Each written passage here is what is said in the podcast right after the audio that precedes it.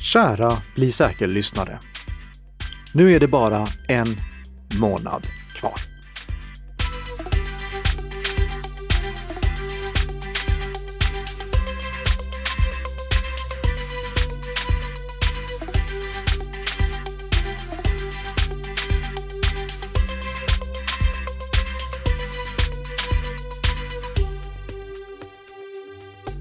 Ja, god morgon, god morgon och välkomna tillbaka till Bli säker-podden där mikrofonerna som vanligt eh, talas in i...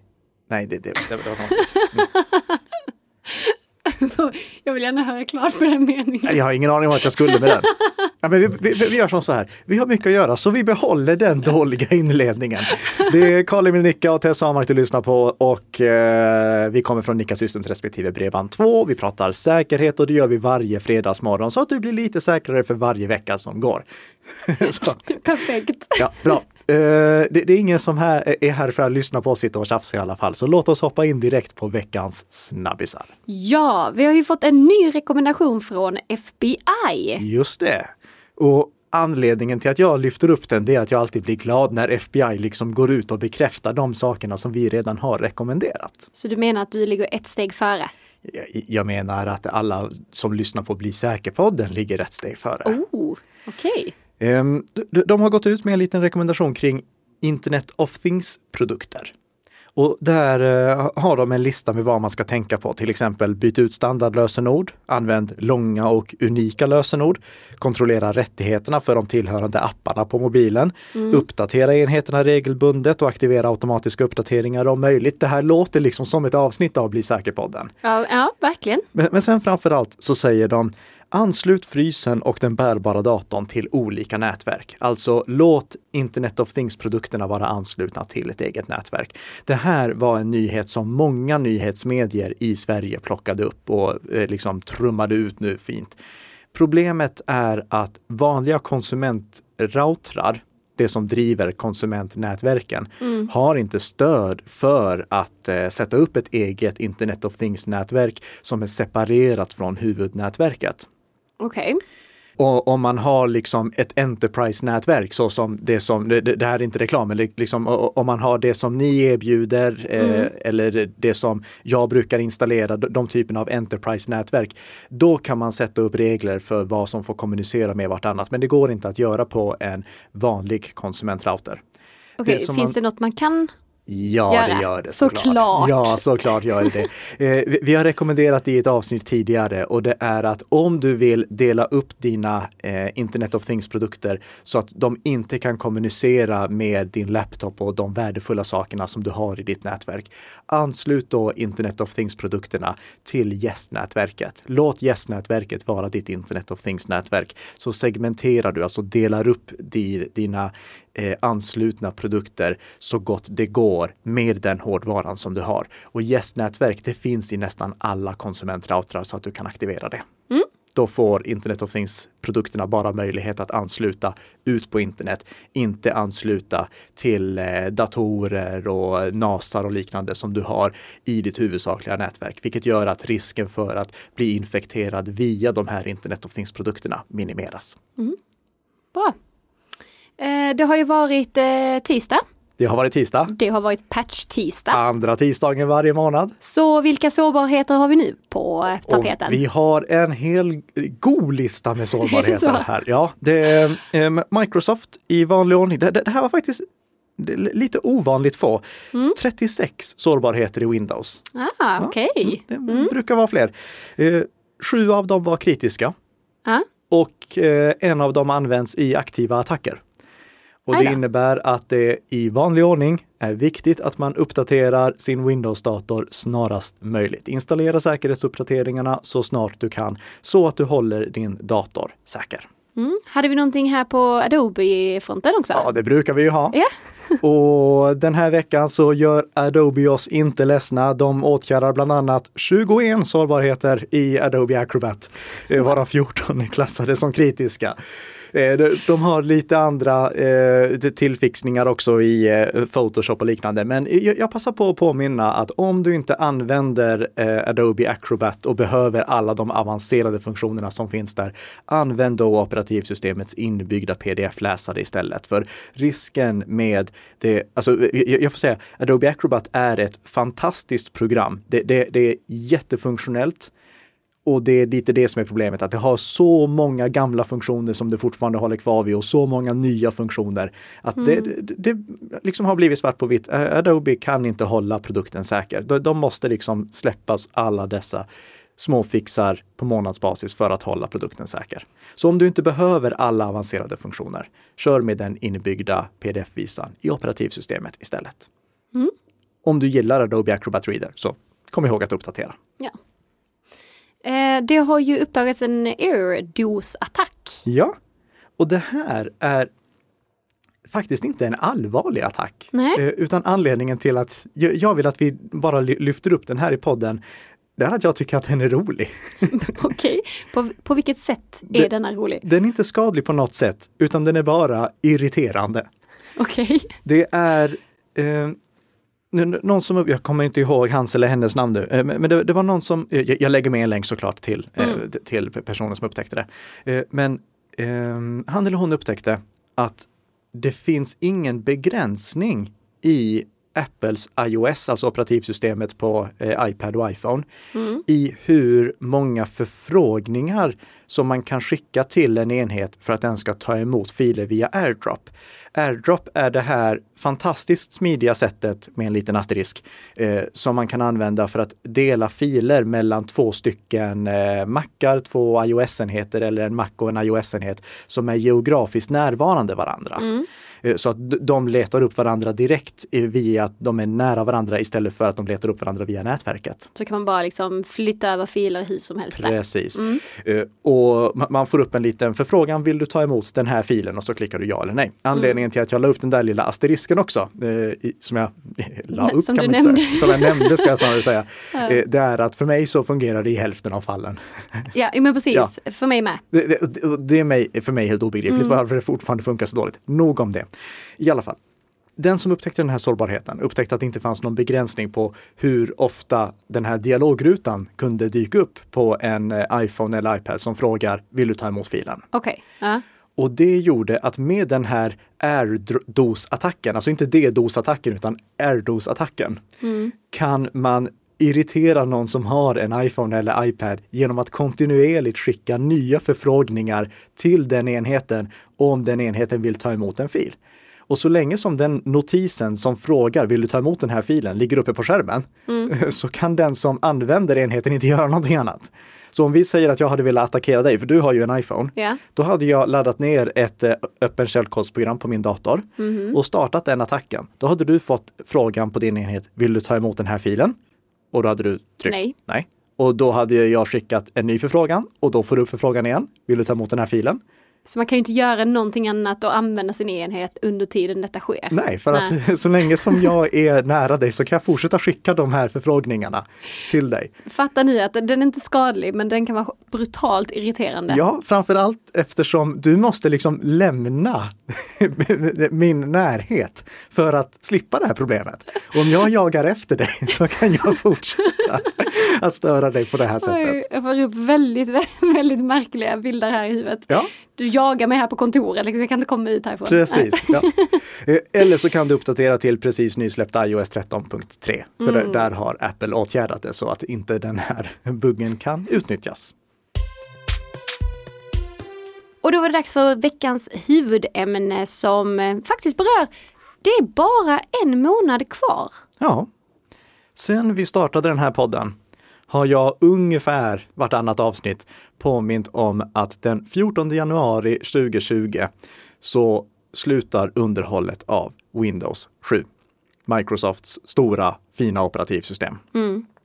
Problemet är att många fortfarande ligger kvar på Windows 7 trots att nu Windows 7 går ur tiden.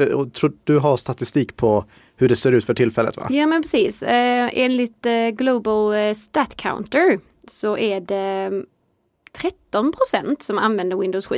Mm. och 82 procent Windows 10 i Sverige. Ja. Och det kan vi jämföra med då i hela världen som är eh, Windows 7-användare är 27 procent och Windows 10-användare är 65 procent. Så vi är lite bättre i Sverige på att ha uppdaterat. Precis, så en eloge till oss. Ja. Ja. Men också en påminnelse om att 13 procent av, av Sveriges alla Windows-datorer måste uppdateras nu inom en månad. Exakt. Men det finns tid kvar. Det finns tid kvar, men Ja. det, det, det är eh, minst sagt hög tid att börja nu. Och jag, jag har ju tjatat om det här länge så eh, ni vet att det är dags. Det som jag skulle vilja lyfta i det här avsnittet, det är bara vad du har för alternativ. Alltså om du nu har en Windows 7-dator kvar, vad kan du göra med den? Alltså vad är nästa steg för dig? Och jag skulle vilja börja det, eh, den här genomgången, med en annons från Elgiganten. För på eh, Facebook så fick jag upp en annons där det stod så här. Snart upphör supporten på Windows 7. Och det är inte Elgiganten som har skrivit det tror jag, utan jag tror det är Microsofts formulering. Ja, det är det. Ja, det tror jag. Okej. Ja. Och sen läste jag kommentarerna. Mm. Och då upptäckte jag någonting som ni som lyssnar på den här podden måste hjälpa oss att sprida. Jag upptäckte att flera har missförstått vad det innebär. Alltså, flera har missförstått vad det är som händer den 14 januari 2020. För i kommentarsfältet, då läste jag bland annat så här. Windows egna support brukar vara skit oavsett vilken version av operativsystem det är. Här är det alltså någon som tror att det är telefonsupporten eller mailsupporten som man kan kontakta om man har problem med Windows som upphör att gälla. Ja. Men det, det, det har ju ingenting med eh, liksom, eh, kundtjänsten att Mm, göra. Nej, precis. Utan det är säkerhetsuppdateringarna. En Mm. annan skrev så här. Windows 7 funkar flera år till ändå. Nej, Mm, nej. Det, det, det är precis det det inte gör. Nej. Eh, Även om, eh, alltså det, det är inte så att datorn inte kommer gå att starta. Men du får inte ha den ansluten till internet om den inte får säkerhetsuppdateringar. Det är alltför riskabelt att ha en dator som inte får säkerhetsuppdateringar anslutna till nätverk eller till internet. Så då måste du liksom koppla bort den från allting, inte ansluta några USB-minnen eller något sånt till den heller, utan bara ha den för att spela Minesweeper på.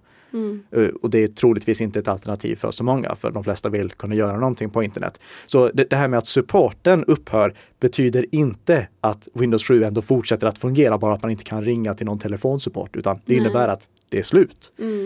Eh, en tredje person skrev, jag har haft Windows sedan Windows 3.1 och aldrig kontaktat supporten. Så det känns inte så aktuellt att byta Windows 7 mot Windows 10. Igen, någon som har missförstått. Och det, det här, alltså jag, jag hade aldrig tänkt på det, att, att, att liksom breda allmänheten uppfattar budskapet supporten upphör som att kundtjänsten slutar. Nej, men jag kan, fat- jag kan verkligen fatta det. Ja, Alltså just för alltså ordet support, man kan Ja, ju ja, använda det på så många olika sätt eller andra synonymer till det. Men just support har ju verkligen den klangen. Ja, och nu, nu när jag såg liksom kommentarerna Ja. så förstår jag ju att, ja, och kära nån, det, det, tänk om Tänk om folk går runt och tror att det är det som händer den 14. Så du som lyssnar på den här podden, när du ser någon som kör en Windows 7-dator idag, förklara då för dem att när vi har passerat den 14 januari nästa år, mindre än en månad, då kommer det inte komma fler säkerhetsuppdateringar till den datorn och då ska den datorn tas offline för att fortsätta vara säker. Ja. Men vad finns det för alternativ då? Vad kan man göra efter eh, 14 januari? Eller vad kan vi göra nu för att förbereda oss för 14 januari? Ehm, Vi kan väl säga att vi har fem olika alternativ som finns. Eh, Det första alternativet är att stanna kvar på Windows 7 och det är egentligen inget riktigt alternativ för det förutsätter då att du har datorn offline. ja, det var det du nämnde här Ja, då. Precis. Så, eh, ja, du skulle kunna göra så om du verkligen älskar Minesweeper och vill ha en dator bara för Minesweeper. Men inte annars. Sen är det ju då att uppgradera till Windows 10. Det, det är det, det logiska steget för de allra flesta att ja, uppdatera till Windows 10. Men det finns några som väljer att inte göra det. Och Varför det, inte det? det kan bero på två anledningar skulle jag säga. Den ena anledningen är att Windows 10 har fått ett dåligt rykte ur integritetsperspektiv. för att Windows 10 samlar in eh, mer eh, telemetridata om hur eh, datorn används. Okej. Du vet, eh, vi har pratat om det här att Microsoft släpper nu två stora funktionsuppdateringar per år. Mm. Och de behöver den telemetridatan för att veta om det går fel någonstans, vilka datorer som de ska uppdateras och, och eh, vilka funktioner som eventuellt eh, buggar vid, vid uppdateringar. Så de, de, de behöver den telemetridatan för det. Men det är många som inte känner sig bekväma med att ge sig ifrån den telemetridatan. Och jag hade ju uppskattat om det i Windows 10 fanns möjlighet att välja dela inte med mig av någon telemetridata överhuvudtaget. Mm. Men det alternativet finns inte. Man kan bara välja att dela med sig väldigt lite telemetridata. Men det, det, det, det kommer ändå alltid att skickas data till Microsoft. Ja. Så vissa undviker Windows 10 av den anledningen. Eh, Sen finns det säkert någon också som är grinig som jag, och, eller ännu grinigare än jag och inte vill uppdatera till Windows 10 för att Windows 10 ser ut som ett eh, ihopkok alla hej kom och hjälp mig med liksom element från Windows 10, från Windows 8.1, från Windows 7, till och med lite gammalt från Windows XP som ligger kvar och en dialogruta från Windows NT4 har jag också hittat. Så, så, så det, det ser ju inte snyggt ut, men jag tror det, det är inte många som begränsas för det. Den andra huvudanledningen däremot till, oh, förlåt, jag gillar Windows 10, jag tycker bara att det ser fruktansvärt ut. Så, det, det, i, I övrigt så älskar jag Windows 10. Jag tvekar inte två sekunder på att uppdatera till Windows 10 för att få framförallt alla prestandafördelar som Windows 10 ger över Windows 7. Så, Så, nu var den avklarad. Precis. Ja. Men den andra huvudanledningen som är desto värre, Mm. det är att många av de datorerna som såldes med, eller nästan alla av datorerna som såldes med Windows 7 från 2009 till 2012, då, Mm. Windows, då datorer såldes med Windows 7, de kan uppdateras till Windows 10 utan problem. Okej. Men gamla datorer som såldes med Windows Vista Mm. eller Windows XP och har uppdaterats till Windows 7, de kan nu vara för klena eller ha andra hårdvarubegränsningar som gör att de inte kan uppdateras till Windows 10. För att Windows 10 Mm. är lite mer krävande. Så att även om man har en dator då som funkar, Som funkar med Windows 7. ja, Så kan det hända så kan det vara att det, det inte kommer gå. Liksom. Precis, Ja. så när, när man försöker installera uppgraderingen, då Mm. får man reda på att den här datorn är inte Windows 10 kompatibel. Mhm. Och det är framförallt någonting som jag tänker på med eh, pensionärer till exempel som köpte en Windows Vista-dator, uppgraderade den till Windows 7. Mm. Nu går det inte att uppgradera den längre. Det här är ju då datorer som är 15 år gamla. Alltså, så, Absolut, men det är lite som vi har pratat om innan, att, så här, att mm, fortfarande om någonting funkar så vill man ju helst inte kassera det. det, liksom. det är ju inget fel med den Nej. egentligen. Det är bara det att Microsoft inte längre släpper uppdateringar till den. Mm. Och då är inte uppgradering till Windows 10 ett alternativ, för det går inte. Men för de allra flesta, alltså datorerna som såldes med Windows 7 och Windows 8, de går att uppgradera till Windows 10. Fram till för något år sedan så var det dessutom kostnadsfritt att göra det, så konsumenter kunde uppdatera utan att betala en enda krona. Nu måste man eh, inom citationstecken betala för att uppgradera till Windows 10. Jaha, Ja, eh, så man får köpa en uppgraderingslicens. Mm. Men Microsoft har inte stoppat alternativet att uppdatera gratis. Så det, det är bara liksom, det, det står att man ska egentligen köpa en uppgraderingslicens. men man behöver inte det Man egentligen. behöver inte göra det för uppgraderingsverktyget fungerar fortfarande. Mhm. Vi kan inte garantera att det fungerar i alla sammanhang, men jag har inte stött på, så så som jag också pratade om i ett tidigare poddavsnitt för ett eller två, en eller två månader sedan, Mm. att jag har inte stött på någon som har problem med det här. Så uppgradera till Windows 10 och passa på att göra det nu innan eh, den 14 januari inträffar. För då kan det hända att Microsoft verkligen sätter stopp för det här gratis Ja, uppgraderingslösningen. Mm. Eh, Så uppgradera till Windows 10, klicka på länken som vi lägger i show notes för att ladda ner verktyget.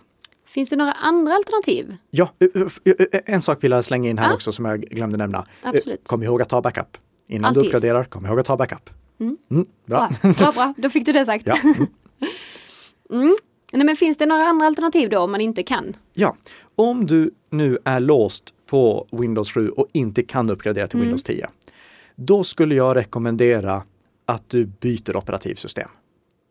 Du byter operativsystem till Linux-baserade Ubuntu istället. Mhm. För eh, Ubuntu har också versioner som slutar underhållas, precis Mm. som Windows. Men Ubuntu kan köras på mycket mindre resurskrävande datorer. Eller, eh, Alltså, alltså, eh, det, det kan köra på enklare hårdvara ska jag snarare säga. Du behöver inte lika modern hårdvara för att kunna köra Ubuntu som Windows 10. Är det ett enkelt byte så här att gemene man ska kunna göra det? Nej, Nej. Det kräver en del att installera, alltså du, du behöver datorvana för att kunna byta från Windows till Ubuntu. Mhm. Men sen att använda Ubuntu, det kräver ingen datorvana. Framförallt inte om du är en av dem som lever ditt liv i webbläsaren. Mm. Det gör ju allt fler idag, ha- har webbläsaren som sin dator. Det är det de använder. Mm, och då kan du installera Chrome eller Firefox på samma sätt och använda det. Så eh, och om, eh, du, om du står här med en dator som du vill fortsätta använda, då skulle jag rekommendera dig att eh, ta hjälp av någon om du inte vill göra det själv och installera Ubuntu på den. Eller någon annan Linux-distribution. Det kommer säkert vara förslag på bättre Linux-distributioner än Ubuntu. Anledningen till att jag nämner Ubuntu specifikt här, det är att det är eh, en av de absolut mest använda distributionerna där det är lätt att hitta om någonting går fel, vad det är man ska göra. Eh, Mm. Och den är eh, väldigt lätt använd också. Eh, så jag, säger Ubuntu här, men jag vet att det finns fler Linux-distributioner och kanske någon som andra föredrar. Ni får jättegärna tipsa om andra Linux-distributioner som ni skulle rekommendera, men jag hoppas ni förstår varför jag nämnde Ubuntu också. Och det, det, det som krävs då egentligen, det är att eh, du laddar ner Ubuntu från den officiella webbplatsen och sen använder du ett verktyg för att eh, bränna själva skivavbilden, installationsskivavbilden som du får från deras webbplats till en DVD-skiva eller till ett USB-minne. Du kan använda en applikation som heter Rufus för att bränna det till ett USB-minne. Jag lägger med en länk till det också. Mm. Eh, så eh, får du över allting på ett USB-minne och sen installerar du från USB-minnet på samma sätt som du skulle installera Windows från ett USB-minne. Men jag, jag är fullt medveten om att det här är det inte alla som är bekväma med att göra. Men jag vill ändå ge det som ett alternativ för att om du pratar med någon som är datorkunnig så kan han eller hon hjälpa dig att göra en sån här sak, att få över datorn till Linux och till exempel Ubuntu istället. Och då kan du fortsätta använda datorn. Du kan du fortsätta ha den datorn utan Windows på och den fortsätter därmed också vara säker. Mm. Det du ska tänka på eh, det är att det blir lite annorlunda för att du inte har dina alla, a- liksom alla traditionella Windows-appar finns ju inte till Ubuntu, men det finns motsvarigheter och om du lever ditt liv i webbläsaren så klarar Så du gör det. det ingenting ändå. Nej. Men finns det något annat sätt att så underhålla sin eh, Windows 7? Ja, du skulle kunna eh, faktiskt prenumerera på Windows 10, eh, förlåt, Windows 7-uppdateringar. För Microsoft, de eh, inser ju att med så många Windows-datorer kvar att uppgradera Mm. så kommer det behöva släppa säkerhetsuppdateringar under en lång tid framöver, precis som det gjorde med Windows XP. Så det de gör, det är att de säljer säkerhetsuppdateringar via en speciell tjänst som bara organisationer som har avtal med Microsoft kan ta del av. Aha. Så det här gäller inte dig som privatperson, men om du jobbar på en organisation där du har kontakt med Microsoft, då kan du eventuellt, det här gäller inte alla organisationer, men det gäller många, teckna dig för en prenumeration på Windows 7-uppdateringar. Och det här är inte tänkt att användas för att du ska kunna liksom eh, fortsätta köra Windows 7 i flera år framöver. Utan det här är bara för att just nu så har ni supermycket att göra. Ni hinner inte uppgradera alla datorer just nu. Det är för mycket som händer. Så vi måste bara putta det lite, lite, lite, lite längre fram. Mm. Då kan du prenumerera på de här uppgraderingarna. Och då kostar det eh, 50 dollar per enhet eh, och år första året Okej, så det är inte per månad eller så, Nej. utan det är per år. per år. Ja. Eh, och sen dubblar de det priset för varje år som kommer därefter. Så nä nästa år därefter får du betala 100 dollar per enhet. Året därefter får du betala 200 dollar per enhet. Och sen är det faktiskt slut. Eh, Okej, Så så, det- lite så här utfasningsperiod. Precis, Mm. precis. Så eh, det är ett alternativ för er som har jättemånga Windows 7-datorer och inte hinner uppgradera. Ta då kontakt med den som ni köper era Microsoft-licenser av och hör ifall ni kan få ta del av det här erbjudandet. Har du något annat alternativ? Du har flest strängar på din lyra. det, det finns de som nu tipsar om att man kan kracka Windows 7, eh, alltså man kan lura Microsofts uppdateringsservrar till att datorn man kör har ett sånt här avtal som gör att man är berättigad till de här säkerhetsuppdateringarna som man egentligen måste betala för att få och som man inte kan få som privatperson. Det låter inte helt lagligt. Nej, och Microsoft kommer att sätta stopp för det. Till skillnad från den här uppdateringen att du får uppdatera gratis till mm. Windows 10 utan att Microsoft bryr sig. Eh, eh, det här att kracka Windows 7 för att ta del av de säkerhetsuppdateringarna, det är olagligt. Det är någonting som bryter mot licenser och du ska definitivt inte köra ett krackprogram på din dator om du vill hålla den säker. Det är samma sak som du ska inte kracka Windows 7, alltså hitta på mm, en fejkad mm. serienyckel från första början. För du måste hålla din dator säker. Så det, det är inte ett alternativ. Det är ett alternativ men inte ett alternativ det, rekommenderar. Det, det är ett alternativ men det är inte ett acceptabelt mm. alternativ. Okej. Okay. När jag sen läste igenom de här kommentarerna eh, på eh, annonsen kring eh, från Windows, förlåt, och det, det, kan vi också nämna att ytterligare ett alternativ är ju att byta dator. Det, det, det, är därför ja. som till exempel Elgiganten gör den här reklamen. För de poängterar att och, och, om du inte vill göra något av de här sakerna som vi har sagt, mm. om du inte vill vidta någon av de åtgärderna, då kan du ju köpa en ny dator också. Mm. Det, och det är kanske dags. Alltså Windows 7, det är ändå tio år sedan det släpptes. Så det är kanske dags nu att eh, byta till en ny dator. Men det är ju förenat med en kostnad. Ja, precis. Av förklarliga skäl. Ja. Eh, hur som helst, i den här eh, diskussionstråden under annonsen, då läste jag också följande kommentar. Eller så köper man sig själv en iMac. Mm -hmm. Och det vet vi ju att eh, Apple fanboys kommer alltid att eh, kommentera i de här sammanhangen på det viset. Och i förra avsnittet, då var jag väldigt snäll mot Apple. Mm, men nu? Nu så tänkte jag faktiskt inte vara det. Jaha, okej. Okay. Men jag upplever att det finns en, eh, en fel uppfattning eller en missuppfattning kring att Apple skulle vara mycket duktigare på att släppa MacOS-uppdateringar än vad Microsoft är på att släppa Windows-uppdateringar. Mm. Så är inte fallet. Jag eh, kollade därför vilka de äldsta mackarna är som eh, Apple fortfarande underhåller med säkerhetsuppdateringar. Mm. Och när det gäller Macbook så är det från slutet av 2009 och senare. Mm. Macbook Pro mitten av 2010. Macbook Air sent 2010. Mac Mini mitten av 2010. iMac slutet av 2009 och Mac Pro mitten av 2010. Det är de som fortfarande får säkerhetsuppdateringar från Apple. Mm.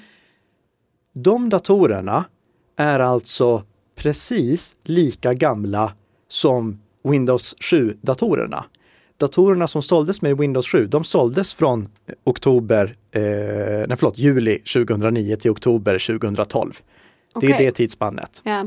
Och Microsoft låter dig ju uppgradera till Windows 10 utan kostnad. Mm. Det, och, och, och, även om de kanske slutar göra det efter 14 januari så har de gett möjligheten att uppdatera de här gratis under många, många år. Mm. Så man har mm. kunnat gå till Windows 10. När de här datorerna som nu är de äldsta som stöder den senaste, eller förlåt, de underhållna versionerna av MacOS. När de slutar få säkerhetsuppdateringar för att de inte kan uppgraderas till en nyare version av MacOS, mm. då kan du inte göra någonting med dem. Det är slut. Du är helt slut? Helt slut. Ja, den är tråkig alltså. Ja, då, då, då får du eh, antingen installera Windows på dem, vilket du kan mm. göra, eller så kan du installera Linux på dem. Eh, så det, det, det är liksom, det, det, är det som är dina alternativ där. Du kan inte fortsätta köra MacOS. För du får inte längre säkerhetsuppdateringar. Och många av de datorerna som såldes med Windows Vista kan också uppgraderas hela vägen till Windows 10. Eh, det finns säkerligen någon gammal Windows XP-dator som också är Windows 10-kompatibel än idag. Mm. Och Windows XP, alltså det släpptes 2001. Så eh, Microsoft har varit bättre än Apple på att underhålla datorerna med uppdateringar. Mm. Så det argumentet att Apple skulle vara bättre på den här punkten, det, det stämmer inte. Mm. Är Apple bra däremot? Ja, det tycker jag. Och jag får säga Microsoft, jag tycker att ni har gjort det här bra också. Om man köper en dator som får underhåll i tio år, är det inte ändå rimligt? Alltså, kanske inte ur ett miljöperspektiv, men ur ett finansiellt perspektiv och om man kollar utifrån hur det är till exempel på mobilmarknaden som vi har pratat om flera ja, gånger precis. tidigare, ja. så tycker jag ändå att tio år, ja, det, det är helt okej. Mm. Och om ni nu som lyssnar på det här är missnöjda, prova då att använda Linux. Det är ett fantastiskt operativsystem som klarar att eh, köras på datorer som inte är lika kraftfulla som eh, de senaste Windows och Macarna. Kanske jag ska börja köra sen när min eh, kommer till åren. Ja, du, du har ju en, en gammal Macbook Air, Ja. om jag inte missminner mig. Ja, Ja, den precis. skulle du definitivt kunna lägga in Linux på istället. varför Eh, inte? det, men, men både Microsoft och Apple, då, jag tycker de sköter sig här. Mm. Det, det, det tycker jag. Eh, Men jag tycker inte att Apple gör det bättre. Nej. Och, och om vi ska ge någon känga här eh, så ska vi definitivt ge den, i, i, inte till, till Microsoft utan den ska vi ge till Google. För Ja. köper man en Chromebook idag så är underhållsperioden på den, det, här ska vi ta i ett eget avsnitt förresten, men det är mycket kortare där. Jag kan lägga med en länk till hur länge Chromebook eh, av olika modeller underhålls. Ja. Men de underhålls mycket kortare än vad Windows-datorer och Macar gör. Okej, där ser man. Mm. Eh, känner du dig ut, eh, uttömd på visdom nu, Mika? Eh, I det här området, absolut. Men Ja. skulle ni ha några följdfrågor kring det här och, och om ni undrar någonting specifikt, ställ frågan i kommentarsfältet. Eh, och om ni undrar om e-dator eller någonting sånt, det, så kommer jag finnas där och svara på det också. Mm. Eh, sen vet jag att vi har fått in en veckans lyssnarfråga, Det har vi. men jag ser att tiden har runnit ut. Ja, och den är ganska maffig den, Den här är väldigt maffig den här. Ja, Så vi får vänta med den till nästa vecka det gör vi. Ja. Men eh, eh, fortsätt jättegärna att skicka in frågor, kommentera, recensera podden så blir vi jätteglada. Sprid den till nära och kära så blir vi ännu gladare. Och vi är som vanligt tillbaka nästa vecka igen med ett nytt avsnitt av Bli säker-podden som gör dig lite säkrare för varje vecka som går. Tack så mycket för att du har lyssnat.